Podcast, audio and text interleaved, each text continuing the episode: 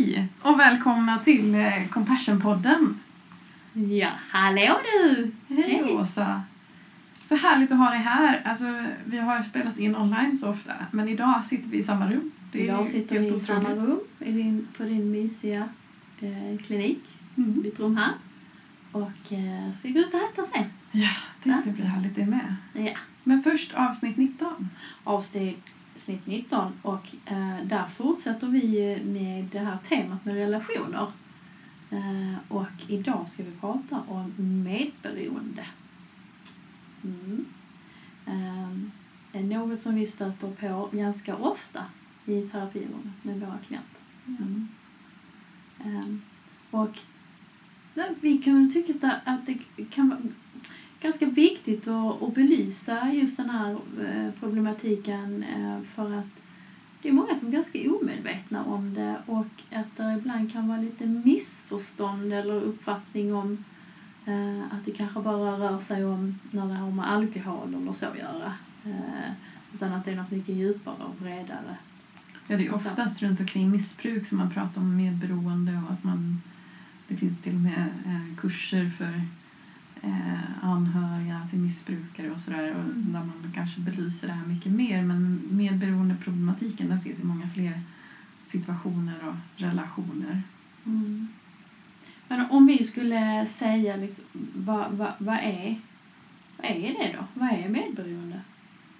Ja, kort och gott så skulle jag ju säga att det är när jag eh, ger upp mig själv till förmån för någon annan Mm. eh, och deras behov. Mm. Ehm, utan, alltså, utan, jag inte, utan en tanke på mig själv Mm. alls Mm. under en längre tid. Mm. Alltså, det kan man göra under en kortare tid kanske för att det behövs och sådär. Men under en längre tid då tänker jag att då, är, då har vi en, en, en relation som inte blir sund. Mm. Vad tänker du? Ja, jag håller med dig där. Alltså att det handlar ju då om att man eh, har allt sitt fokus på eh, en annan eh, persons eller sin partner ofta då. Eh, eller förälder eller när man växte upp. Att man har all sin fokus och empati och all, allting är riktat eh, på ett maniskt sätt blir det till slut eh, kring den här människan. Mm. Eh, Och, ehm, och att ens egen utveckling, liksom ens, eget jag, ens egna känslor, ens egna behov och så ehm, försvinner. Ibland brukar jag säga det liksom som att det är en fotbollsmatch så är man bara på den andra spelhalva hela tiden. Mm. Man har ingen aning om hur det är på ens egen och vad det är och vad är viktigt för mig eller vad behöver jag eller så. För Mm. all fokus har under så lång tid varit på någon annan. Mm. Mm. Men alltså, hur tänker du, liksom, hur kan det uppstå? Där är ju då liksom lite olika typer. Och, Jag tänker ju att, att, att nu pratar vi om det här med, med att det kan uppstå i, i förhållande till ett missbruk när man blir en del av missbruksproblematiken också. Eh, och att det kan vara svårt att bryta det. Men jag tänker också att det kan uppstå i andra mer eh, komplicerade relationer eh, där det kan finnas annan psykisk ohälsa till exempel.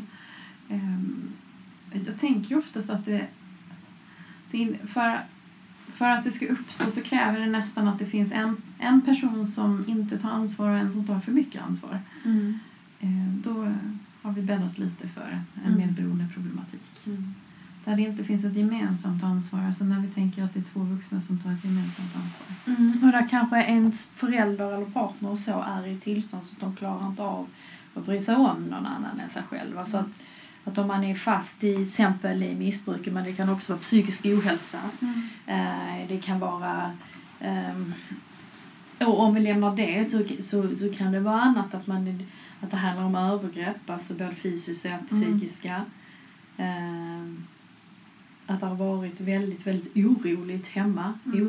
Otryggt, att man är uppvuxen i ett kärlekslöst, otryggt hem där man aldrig kunnat riktigt förstå signalerna eller läsa av att man kan liksom inte, man får hela tiden ha tentaklarna ute. Ehm, Men där man kanske också får ta, ta en- ett stort ansvar. Alltså det, kanske har handlat om föräldrarnas känslor och behov eh, istället för mina behov. Eh, alltså helt. Gränslösa beteenden. Liksom. Eh, precis. Mm. Föräldrar som har delat för mycket eh, om sitt liv på en nivå som inte blir bra för barnet. Mm. Kanske delat detaljer om bråk med, med andra. Detaljer om sitt sexliv som blir Mm. svårt för barnet att hantera. Ja. Den typen av gränslöshet som Ja. gör att man, att man måste axla någonting som man inte riktigt klarar av. Att man blivit van vid det. Att det, det är min roll att jag Mm. ska ta på mig saker. Ja. Så det behöver absolut inte bara vara då alkohol och så. Det kan vara en skilsmässa där den ena föräldern går ner sig totalt. Mm. Och så som barn så blir man då eh, ansvarig för att eh, vara stark eller eh, ta hand om den här jobbiga situationen. Så dysfunktionell uppväxt och så. Sen när vi pratar om medberoende som psykologer och så så tänker vi ju kliniskt liksom att det har blivit ett verkligt problem. Mm. Så att man kan ju säga att det finns olika grader av det. Um, det kan vara eh, lite lätt, alltså vi är ju alla mån om hur andra mår och, och, och ibland är det ju sunt att försaka sig själv och, Mm. och så. Men det är ju när det blir ett långvarigt upprepat mönster och där man totalt liksom glömmer bort sig själv som det kan bli ett riktigt, riktigt stort problem. Och vi pratade ju också lite om att, att det, när det då börjar ge andra problem så att Mm. säga, att man får andra eh, alltså bekymmer med hälsan till exempel, man kan få smärtproblematik, man får ångestproblematik, eh, problem med magen och så vidare för att man har försakat sig själv under så lång tid. Ja, för att det är också enormt stressande. Alltså om du tänker att du lever i psykisk misshandel, till exempel med en narcissist, Mm. eh, som är ett liksom personlighetsstörning eh, störning, eller vad man ska Mm. säga, där, som finns eh, ja, hos en del människor. ju. Och man då träffat på en sån så blir det ju en naturlig obalans eftersom en narcissist kan inte ehm, ta ansvar eller har en lägre grad av empati faktiskt, Mm. eh, förmåga. Eh, Och då kommer du, det, det handlar om den personen hela tiden och du kommer bli eh, skuldbelagd och så. Mm. Och där till slut tappar du bort dig själv helt i den relationen. Så att där är ju olika scenarion Mm. som det kanske är. Liksom. Mm. Ja, jag tänker att det, det är ju en typ av väldigt svårt medberoende, Mm. tänker jag, där man också bryts ner successivt, där man successivt kanske också tappar Mm. bort sig. Och att det på något sätt också krävs som en förutsättning för att relationen ska fungera. Mm. Så, så ställs det ett krav på en att ja, men, eh, om du inte gör det här så älskar du inte mig. Eller om du inte, om du inte slutar träffa dina kompisar så eh, Mm. visar du att jag inte betyder någonting. Alltså den typen av lite förtäckta hot också som gör att man successivt också ger upp sina behov. Det är inte säkert att man började på det sättet utan att Mm. att det är oftast någonting som är, är väldigt glidande när man hamnar i en medberoende relation. Mm. Så det är det vi menar med det är komplext. Att det kan vara dels vad du har varit med om, som vi har pratat om i tidigare relationsavsnitt när vi pratade om anknytning, alltså en medkänsla till vår uppväxt, att vi får en känslostil beroende på om det varit tryggt eller otryggt. Liksom så. Och det är såklart att det påverkar och om du har en otryggare känslostil med dig så är det ju lättare att du till exempel hamnar i en relation som är osund för att det är det du känner igen Mm. Sen du var liten och sådär och, och du har de mönstren med dig som, som du har lärt dig när du var liten och så fortsätter du med det i vuxna relationer. Mm.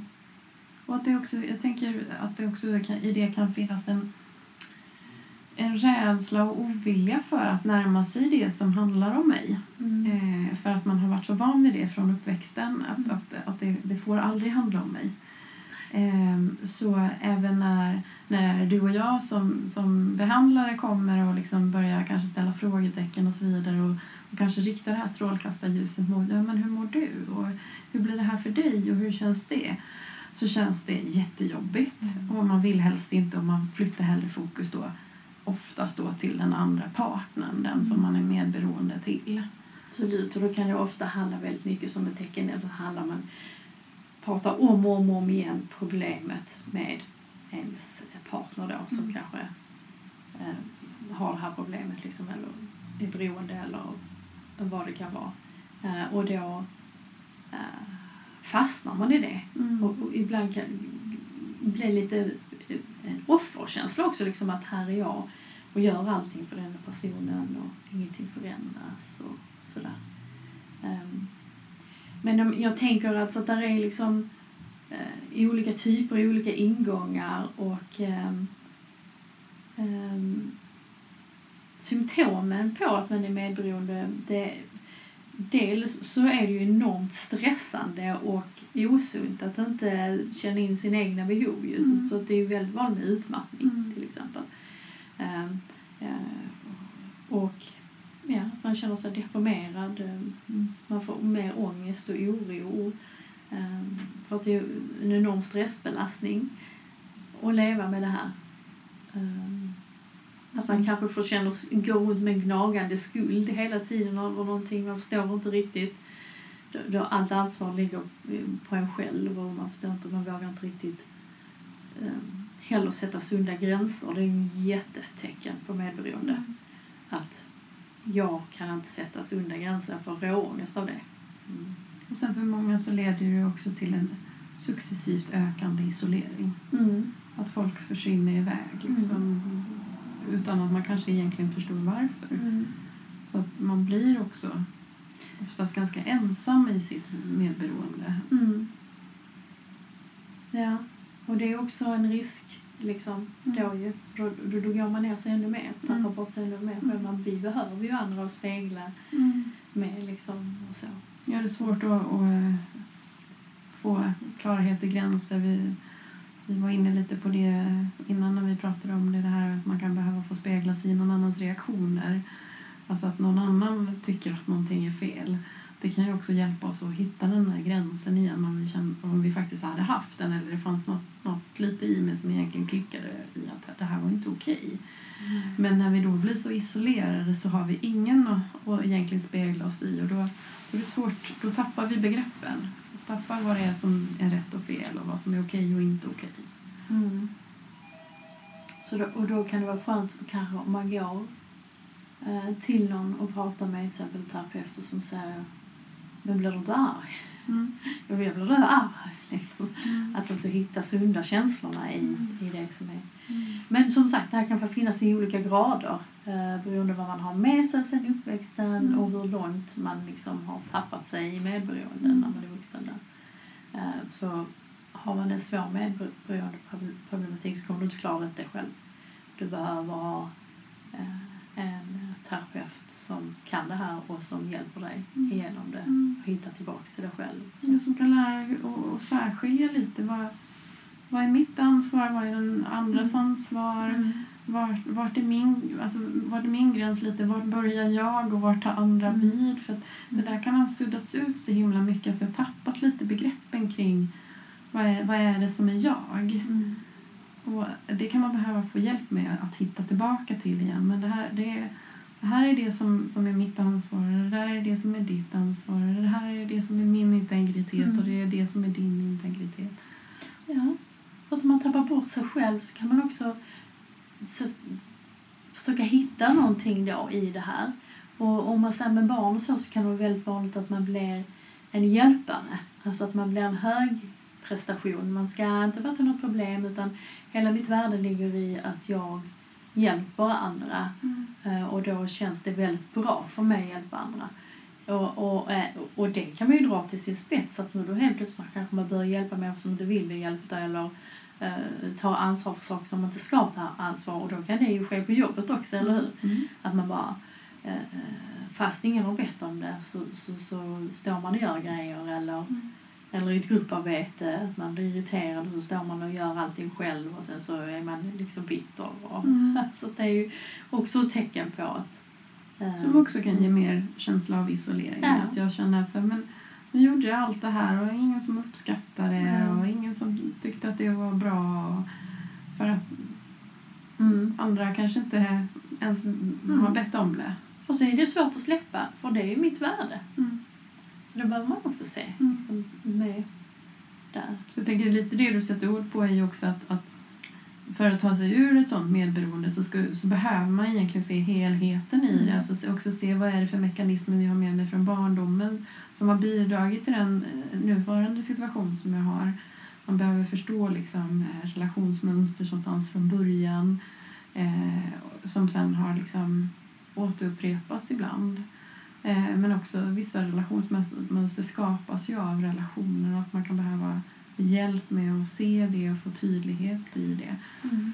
Och så hitta liksom nya sunda gränser. Det är precis det det handlar om, sunda gränser. För det är inget fel vara en hjälpare. Det är både Nej. du och jag. Ja. Och det är inget fel med att vara, en- ha en värdering om att man vill- man vill vara vänlig och omhändertagande. Att man är empatisk. Mm. Eh, problemet blir ju om det blir liksom maniskt bara till andra. Mm. Och att det blir väldigt, väldigt svårt att rikta det mot sig själv. Du sa en sån bra grej innan vi började spela in om att det här med de här tre flödena som vi har pratat innan. Mm. Att där kan ju vara en tydlig, liksom ta tempen på om jag är medberoende. Har jag, har jag väldigt, väldigt lätt på att bara ösa empati och hjälp till andra eller det här flödet av värme, omsorg. Jag hittar jättelätt fina ord och, och en, eh, medkänsla till andra. Mm. Eh, vet precis vad jag ska göra när någon annan mår dåligt. Eh, men kan, har jag svårt att vända det flödet till mig själv eh, har jag väldigt svårt för att ge mig värme, omsorg eller ord. Eller ta emot det från andra. eller ta emot det från Ja. andra. Eh, då eh, eh, är ju självmedkänslan en otroligt viktig roll i medberoendeproblematiken. Mm. Ja, jag tänker att, att har du då svårt, alltså, har du svårt för att ta emot så har vi oftast också svårt för att, att visa självmedkänsla. Eh, så det är svårt att visa det för oss själva också. Eh, och då blir det ju liksom som att ösa ur, alltså ett, ösa ur ett kar. Alltså det kommer aldrig någonting in vilket gör att till sist tar, tar det ju slut i Mm. karet. Mm. Ehm, hela definitionen av medkänsla handlar om att vara öppen och känslig för sitt egna lidande och andras lidande. Men är du bara öppen och känslig för andras li- lidande då är det det som händer, att vi Mm. bränner ut oss. Mm. Plus att, att det inte alltid är uppskattat om omgivningen. Det, det, det brukar ge andra en, en lite bitter och obehaglig smak Mm. när man ser att någon gör saker för en som inte blir bra för dem. Nej, precis. Eh, och det kan också leda till att folk drar sig undan, att det blir för mycket. Att man bara, Mm. men nej, men det, och det kan kännas liksom klistrigt för omvärlden. Mm. Därför är det väldigt viktigt att man hela tiden har med sitt egna lidande och den andras lidande. Men när, när vi är fast i en medberoende problematik så är det ju liksom det egna lidandet som helt har suddats ut. Att man faktiskt inte kan se de här, att det här är ju inte bra. Jag är helt slut. Allting handlar om kanske min partner ehm, och, och, och dens problem. Eller, och en annan grej där är också um, skuld. Ja. är ju också en sån här grej. Man går runt och känner att det är mitt ansvar, det är min skuld, jag ska ordna upp det här. Om inte jag gör, Nej. säger så. så är det liksom min skuld och så. Så det är så otroligt mycket skuldproblematik och det är därför också många har väldigt svårt att lämna sin partner. Även om man bara är så trött på det, man är helt på klar över att det här är ingen bra relation. Mm. Eh, Det är inte ömsesidigt och det är inte empatiskt till mig eller Mm. eh, man är så färdig med det men man känner en sån enorm ångest att Mm. faktiskt sätta den gränsen. Eh, vem är jag då? Det vet man ju inte. För där, för där har man ju inte varit. Mm. Det, där har man, det, det jaget har ju inte skapats. Det är därför det blir så svårt. Man kanske ska säga det, det här, kring det här, just det här med att vara öppen och känslig för sitt lidande. För vissa som hamnar i, i medberoende problematik kan känna sig väldigt mycket som ett offer. Eh, och faktiskt eh, vara mycket i kontakt med att, att jag eh, blir illa behandlad. Men oftast är man inte särskilt öppen för smärtan i det. Ut, eller, liksom, eller vad det gör med mig. Så det är egentligen ingen eh, faktisk eh, öppenhet och känslighet för lidandet. Utan det är mer, det är mer, liksom en, en, mer ångestdrivet att jag har mer medlidande än medkänsla med mig själv. Jag tycker Så- synd så- om mig så- själv. Eh, Så när man förlorar sig själv då och har låg kontakt med självmedkänslan så är man i en relation där man inte får så mycket empati. Allting handlar om partnern. Mm. Och man gör, ger inte det till sig själv heller. Mm. Så det är inte konstigt att man blir sjuk till slut. Mm. Ehm, det är otroligt tufft. Mm. Ehm. Så där är det, omhändertaganden i osunda gränser. Men, men där är också ett grej som, som handlar om, om kontroll, tänker jag om att man har lärt sig. Mm. Att jag behöver vara stark. Mm. Jag behöver ha en styrka Mm. i livet. Och då tar man det att jag är stark, jag tar hand om allt, jag tar hand om alla och så. Och då tvärtom är ju då att, ehm, att det är svårt att vara svag. Mm. Och det är otroligt läskigt då att möta lidandet eller vara Mm. sårbar i att nu är en situation som är helt förkrossande för mig. Mm. Eller jättejobbig. Och, och där blir det också den här känslan av att jag är ensam. För då kan man ju ha lärt sig som barn då att här är det ingen som kan ta hand om Mm. det här. Mm. Jag är ensam i denna världen. Mm. Så det är bara att tugga på. Så. Ehm, och, och, och om det då händer grejer som är jobbiga så är det det som händer och sen att bara hur ska jag ta hand om detta? Nu måste jag fixa det här själv. Mm. Den här ensamhetskänslan. Det kan också vara bra att få syn på liksom att hur... Ja, jag tänker också när man kanske börjar så här vakna upp lite i det här och börja se eh, medberoendeproblematiken då kan man ju också överrumpla så otroligt mycket skam kring det. Att, ja, men hur har jag kunnat liksom acceptera det här och så vidare. Och det, kan, det i sig kan göra att man, man helt stänger ner för det och bara Förnekelse, fortsätter. förnekelse. Mm. För att den känslan, som, lite som du är inne på, eh, av att jag eh, har gått med på det här, att jag kanske inte är så stark eh, och har så bra kontroll som jag tänker mig ha, blir en sån utmaning för min egen identitet också. Mm. Att det kan vara svårt att erkänna för sig själv att ja, jag har blivit manipulerad av någon. Mm. Jag har, jag har eh, helt tappat eh, greppet om, om, om vissa saker och vad som är normalt och inte är normalt. Mm. Det kan vara fruktansvärt smärtsamt att erkänna för sig själv. Mm. Så därför är förnekelse jättevanligt i med att man är länge, länge förnekelse. Mm. Precis som, som man är i beroende. Mm. Alltså där är ju förnekelsen en huvudingrediens. Liksom. Mm. Att, "Nej, men jag har inga problem, det är du som har problem. Mm. Eh, Att leva med någon som har till exempel alkohol eller, Mm. eller Nej. psykiska problem så, så, så, så äger ju inte de ansvaret utan de är ju förnekelse, förnekelse, förnekelse. Eh, Ja, och det blir liksom ett, ett, ett, ett eh, självbedrägeri som man hela tiden Mm. liksom vävs in i. ehm. Och jag tänker att där kan eh, compassion och medkänsla vara så hjälpsamt för det handlar mycket om att möta verkligheten som den är. Så det handlar egentligen om att, att hitta vad jag behöver rusta mig själv med för att kunna se det som faktiskt är Mm. och inte rygga tillbaka för det. Det kan vara jätteläskigt och det kan kännas fruktansvärt obehagligt. Men att det är det som blir hjälpsamt att möta verkligheten som det faktiskt är. Att vi inte försöker eh, försköna det eller, eller eh, sopa över det utan så här ser det faktiskt ut. Jag har en partner som inte tar ansvar för sig själv eller för andra som inte bryr sig egentligen om, om mig. Det är min verklighet. Mm. Och att kunna börja möta det, tänker jag, Mm. det, då, då har vi hittat någon form för medkänsla. Mm. Vi nämnde, jag kommer inte ihåg vilket avsnitt, men vi nämnde det här varför är det så himla svårt att öppna sådana här dörrar. Varför är det så lätt att hamna i förnekelse? Varför kan det vara så obehagligt att bjuda in självmedkänsla?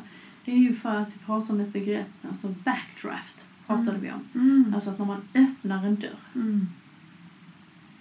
Men det kommer egentligen från ett eh, från bankhålsuttryck, liksom, att om man öppnar en dörr så det brinner inne i, så öppnar man den och tillför syre, då flammar det upp liksom, och blir ännu värre. Mm. För att Gamla en sår, ja. liksom. att det är som gamla sår kommer upp till ytan och det gör så jäkla ont så man vill bara smälla igen dörren igen. Och det är precis det som kan hända och som kan vara mekanism till att man faktiskt inte vill inse. Mm. För att, att, att, att inse är smärtsamt. Mm. Och är det då gamla sår med i spelet också som man får syn på Mm. Så kommer ju den här känslan av, av background. Mm. Och att det är någonting man behöver gå igenom Mm. för att sen kunna läka Mm. och komma i kontakt med sitt lidande och självmedkänslan.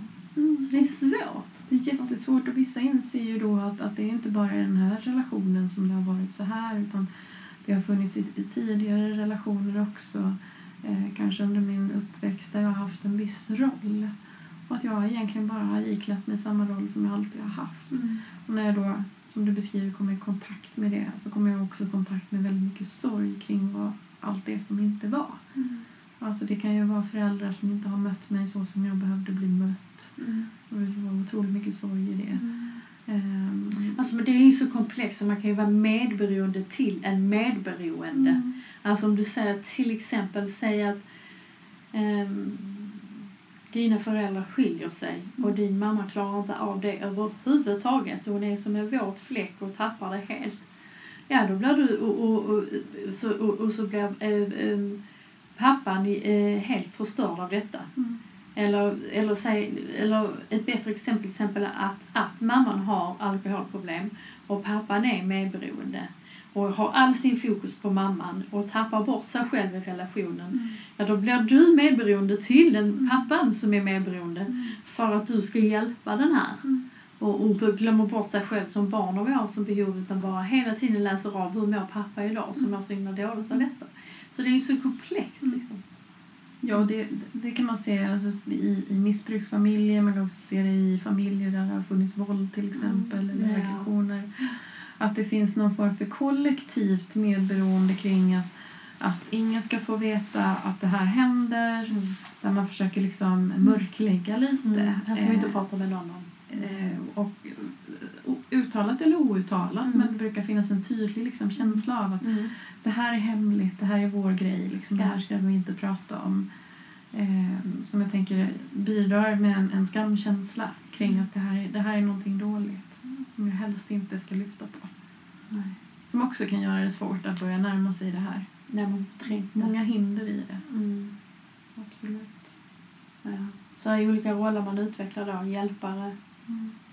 eh, som då ska aldrig vara ställa till någonting utan bara bidra och bidra. Eh, eller starka. Och sen kanske någon blir en klan som ska lätta upp stämningen. Mm. Som tycker det är jättejobbigt när det blir dålig stämning. Mm. Som ska ta på sig och ta ansvar för andras. Eller eh, man brukar kalla en roll för tapetblomma. Mm. Någon som bara finns där på, men syns inte riktigt liksom eller gör inget väsen av sig. Mm. Och kan istället bli inåtagerande. Mm. Alltså att man skadar sig själv och så. Mm. Mm. Eh, eller rebell. Att man blir en rebell. Att man är utåtagerande och det rings från skolan hela tiden. Mm. Slåss och har sig. Mm. Ja. Så att det kan vara bra att få syn på lite olika roller, vad man har med sig. Det finns ju en del rebeller som hamnar i medberoende relationer också som Mm. kanske har rebelliskt gett sig in i de relationerna. Ehm, också d- som då skäms över det och som också kan göra det svårt att man Ja. vill be om hjälp. Och det kan man ju tycka är konstigt, alltså bara om jag nu har haft det så här jobbigt när jag var liten, varför söker jag mig om och om igen mm. till relationer som är destruktiva? Mm. Ja, därför det handlar också om det vi pratade om i, i, innan ett avsnitt med anknytning, att våra känslominnen sitter så djupt. Mm. Så det vi känner igen, det liksom tolkar vi som kärlek. Det är välbekant Ja. det är, är ju det som var tvungen att vara tryggt för oss då. Alltså så blir det en sån paradox att man litar på det opålitliga. Ja. Det är att man, eller att man tänker att kärlek ska kännas väldigt mycket oroligt. Alltså att det ska brännas, det ska kännas väldigt mycket... Eh, det ska liksom inte vara tryggt. Mm. Så, men, och då kan det vara väldigt svårt. Mm. Träffar man då en trygg person så tänker man nej, nu är känslan här, det känns väldigt tryggt. Det känner man inte igen. Ja. Men träffar man någon som är, oh, här bränns det. Ja. Här känner jag igen. Känns det jag är nog jättekär i den här härligt. personen. Och sådär. Ja. Så att ens tolkning av kärlek blir ju påverkat av hela det. Absolut. Ja. Och det tänker jag också man behöver förstå när man är, eh, ska försöka ta sig ut en medberoende relation. Att det, här, det, det är starka krafter som är i gungning. Jättestarkt. Ett beroende. Alltså, en del kallar det till och med liksom lika starkt som ett absolut. beroende. Det är ett, ett kliniskt sjukdomstillstånd. Liksom. Och jag tänker att det, man behöver verkligen förstå de här mekanismerna. Alltså man behöver få tydlighet i att, att, att Mm. det är så här vi människor funkar. Att det kanske inte är så konstigt att du hamnar i den här situationen. Det behöver inte betyda att du är en dålig människa eller att du har gjort en massa fel utan att det här händer oss. Och givet den bakgrund jag har haft så är det kanske inte så konstigt Mm. att det blev just så här. Medvetenheten om att det är så här vi människor funkar och det är så här medberoende problematik funkar kanske kan göra att jag får mer tillgång till medkänsla till mig själv och att jag inser att jag inte är så ensam om detta. Mm. Att det är mänskligt. Mm. Och jag tänker också att eh, oftast i sådana medberoende relationer spelas ganska mycket på det som är djupt mänskligt hos oss. Som, som till exempel hoppet. Eh, vi, vi, vi människor är egentligen helt fantastiska i att vi alltid har ett hopp om att det ska bli bättre. Och det används i många av de här medberoende relationerna. Man kan till och med få alltså, bedyrande förklaringar och så vidare. Att ja, men förlåt, och Mm. det var inte meningen. Jag ska inte göra så här igen. Och så Mm. tänds det här hoppet och så känns det jättebra. Man tänker så här, Mm. ja men nu, nu blir det bättre. Oftast blir det bättre i en kortare period innan det blir sämre igen. Så det, är inte, det spelar också på någonting som är djupt rotat hos oss människor. Där vi verkligen vill, vi vill verkligen tro det bästa hos, om andra. Mm. Ja, och vi vill så gärna ha kärlek, tillhörighet och att få känna som det är. Att Ja. det, är ur, urinstinkt hos oss, Ja. liksom, att vi vill så gärna få tillhöra. Och, så. Och att det kan vara något svindlande i att någon, eh, till exempel om det är någon som är väldigt behövande av mig, att det kan ju också ge väldigt mycket positiva känslor. Att, eh, att eh, till exempel min missbrukande partner blir väldigt hjälplös stundtals och då får jag vara den där hjälparen och jag får vara den duktiga och jag får vara den där viktiga personen. Triggas den rollen jag fick Ja. som liten, att jag är hjälpare, mitt värde, jag får en kick av det. Ja. Liksom. Ja. Och man kan få väldigt mycket närhet i det och Mm. liksom, det kan kännas otroligt bra. Mm. Så det, det, det är komplext, det är inte så så enkelt. Mm. För, för någon som står utanför så kan man bara, men, men lämna personen då. Mm. Men det här är ju väldigt, väldigt komplicerat. Ja, att man ser det som en beroende, liksom, eh, en, en, ett beroendetillstånd Mm. som är lika starkt som själva beroendesjukdomen och som med alkoholism och så, att det kan Mm. bli lika starkt. Man behöver lika mycket hjälp. Det finns ju hjälp att få. Mm. Eh, gå i terapi. eh, Det finns ju de här anonyma anhöriggrupperna, Anon Mm. och så. Mm. Tolvstegsprogram Mm. eh, och så. Eh, och där är också mycket ökad förståelse för att det här handlar ju absolut inte bara om alkohol och drog. Mm, Utan det handlar om eh, mycket större områden än så i relationer. Och sen så, eh, så, så kan man ju också börja, börja träna upp förmågan till att känna med sig själv, tänker jag. Alltså med eh, självmedkänsla. Mm. Som, som jag tänker också kan vara något, ett sätt att, att börja stärka sig själv på. Det är, man kan behöva hjälp i det, men, men det är absolut någonting man kan börja på egen hand, tänker jag också. Ja, det kan vara sådana enkla saker som Men vad tycker du om då? Mm. Vad är din favoritföda? Ja, det vet jag inte. Det har jag inte tänkt på. Nej, men börja, bara sådana enkla Mm. saker. Börja med bara Mm. Okej, men vad är dina intressen då? Vad, vad, vad tycker du är lite... Vad är lycka för dig? Eller, um, sådana små saker att man börjar titta på det. Mm. Där impulsen kanske kan vara att, att, att gå med andra, alltså typ att säga ja till andra saker, det andra föreslår och så vidare. Mm. Men att man i det här lilla, till exempel så här, nej, idag vill jag ha spaghetti. Så, mm, Jag struntar i vad ni andra äter. Sådana små grejer. Mm. Det kan börja stärka det här, Nej, jag det tycker faktiskt jag. inte om pasta carbonara. Jag har mest bara ätit det bara för att göra det klart. Liksom, att man kan se det. Ja, ja Mm. men det är ju små steg ju. Absolut. Och jag tänker att man behöver återerövra det som är jag. Eller upptäcka. För att man har aldrig har kanske fått chans att upptäcka vad är det som är jag? Vad är det Mm. som är, är min person, Mm. min identitet? Mm. Ja. Mm. Och man märker att man är fast år ut och år in i något sånt här sök hjälp. Ta Ja. hjälp. Det hjälper ju att ha någon som kan bolla detta med Mm. en själv. Och som kan ställa bra frågor och som kan vända hela spotlighten till ens egen spelhalva Mm. liksom. Att, eh, vad pågår där? Och Mm. sådär. Mm. En del lever ju sina liv medberoende hela livet. Absolut, Ja. inte ovanligt. Nej. Vilket sorgligt ju. Att det blir så. Ja, det är sorgligt. Ja, Mm. det är det. Ja. Så medberoende kan man säga ju är eh, eh, någonting som blir väldigt tydligt om, om ni har lyssnat på de andra avsnitten eh, och kanske lättare att förstå både för en själv om man tänker att man är det men kanske också om du har någon i din närhet Mm. Man har lite lättare att förstå då. Eftersom Mm. just det här att om du inte själv har en medberoende problematik, du är ganska trygg så kan du ju tycka att det här är skvatt galet. Varför lämnar du inte den människan? Mm. Så att ha, ha den här medkänslan till en vän eller någon nära. Mm. Så. Mm. Okej, det är detta som pågår. Mm. Mm. Det är svårt. Mm. Ja. Mm. Så där just att hur man eh, eh, att förstå det att ehm, att tillit är jättesvårt. Tillit till sig själv, Mm. tillit till andra. eh, Biten där. Mm. Att um, det kommer ta ett tag att bygga upp det. Så. Och jag tänker att en annan viktig bit som man själv kan börja jobba med är också att bryta isoleringen. Att, Mm. bryta, att börja, börja söka sig ut och börja prata med folk. Mm.